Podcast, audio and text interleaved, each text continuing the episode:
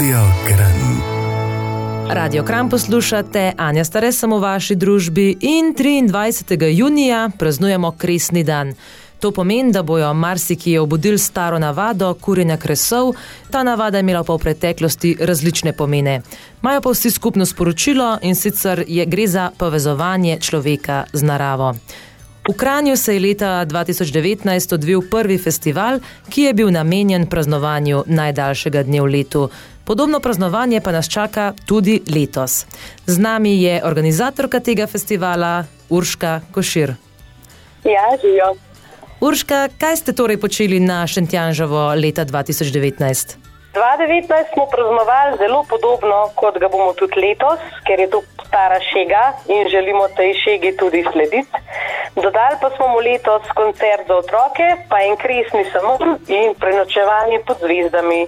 Drugače smo pa pred leti, sem jaz, pa potem dekleta, ki z mano tudi sodelujejo, smo želeli vrniti praznovanje teh starih ljudskih praznikov ker bi rada, da je življenje čim večkrat praznik in ljudje mogoče včasih pozabimo, da to tudi je. Tako da praznujemo več praznikov skozi leto, vsi so povezani z lučjo. En je Martinovanje, ena je Lučka, ki je v decembru in pač poleti tale naša kresna noč. Kaj torej, malo se že naštela, ampak mogoče kaj, kakšen bolj točen program nam že za, lahko zaupate? Ja, torej družinske igre brez meja, ki jih pripravljajo organizacije, ki delujejo v dobrobit otrok v Kranju in tudi širši okolici.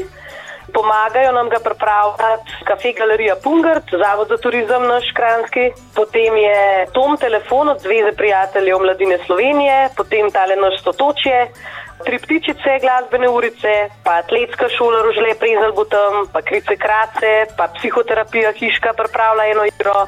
Naturovci, pa Stol Punger, pa Gorenski muzej, pa še kabinet izumitelja Puharja. Torej, to so vsi, ki pripravljajo igre brez meja za družinice, da se bojo lahko tam igrale. Tle bi rada samo še dodala, da brez mestne občine Kran, pa gospe Milene Wagner, pa gospoda direktorja podjetja Union Forma, gospoda Jožeta, eh, ki sta se osebno angažirala in donirala nekaj denarja, tale festival ne bi mogel biti izveden in bi rada tudi javno povedala, da se jim res iz srca zahvaljujemo, da podpirajo veselje med otroki in odraslimi. Festival je torej družinsko naravnan, če prav razumem. Tako da to je festival za otroke in družine, da se za en dan odmaknejo, da se med sabo povežejo, da se tudi družinice med sabo povežejo in da tisto, kar imamo lepega, damo en drugemu, kar bi mogli delati čim večkrat in ne biti tako individualistično naravnani, pa je svet lahko mal lepš deluje za vse nas. Torej, na kresni dan so običajno kurili kresove, boste kres kurili tudi pri vas? Tako je. Ne bo to tak kres, kot smo ga včasih bili vajeni na Joštu, recimo, ki je bil za 1. maja. To bo ogen, ki se ga bo otroci naučili na delavnici tudi postaviti.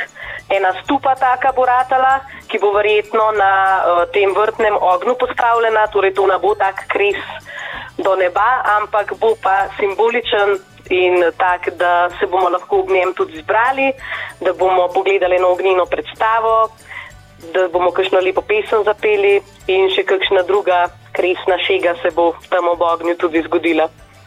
Pa bo program trajal do poznih nočnih ur? Program traja od 5 do 9 zvečer, potem pa ob 9 tisti najbolj pogumni, oziroma tisti, ki so jih starši prijavili, ostanejo lahko z nami na noči pod zvezdami in bodo tam na češnjevem vrtu tudi lahko prespali. Sicer je pa program tak, da ena pomembna stvar se tudi zgodi tam vmes, meni zelo pomembna, pa zelo ljuba, to so tudi šentjanževe poroke kjer se lahko poročijo vsi tisti ljudje, ki se imajo radi. Torej, lahko se poročijo tudi o očka in hči. In si tam izpovesta ljubezen, oziroma zakaj se imajo radi, si data neko nalogo, recimo, da bi drugo leto, v prihodnem letu, enkrat na teden hodila skupaj v hrib.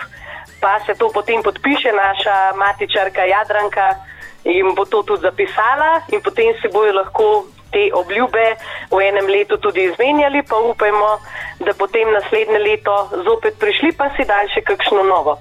Tako da ste res lepo dobrodošli vsi, ki imate koga, ki ga imate radi, da si to tudi poveste na glas. O, pa je to dogodek odprtega tipa, so potrebne kakšne prijave mogoče? Ja, za Šentjanževo poroko pa za noč pod zvezdami smo, so, so obvezne prijave, zato ker bi radi imeli lažje, zaradi učinkovitosti, no, se lažje pripravimo. Drugače je pa kresna noč odprta za vse. Mnogo stvari se je zgodilo, zvečer bo tudi koncert, jazz koncert v Cafe Galeriji Punger za odrasle, medtem ko so jo otroci lahko pri nas igrali. Um, tako da res, res, res lepo vabljeni. Mogoče še enkrat eh, za poslušalce, ki so zamudili, kje in kdaj se torej dogaja. Torej, to je v petek, 23.6., ko se konča šola. 17. in 21. uro v otroški četrti, to je na koncu mesta Kranja, v centru mesta, na Pungertu, na Trubarjevem trgu, ki bo tisti dan zaprt za avtomobile, in na Češnjem vrtu pred stolpom Pungert, pa seveda na vrtu kafe galerije Pungert, kjer bo tudi koncert.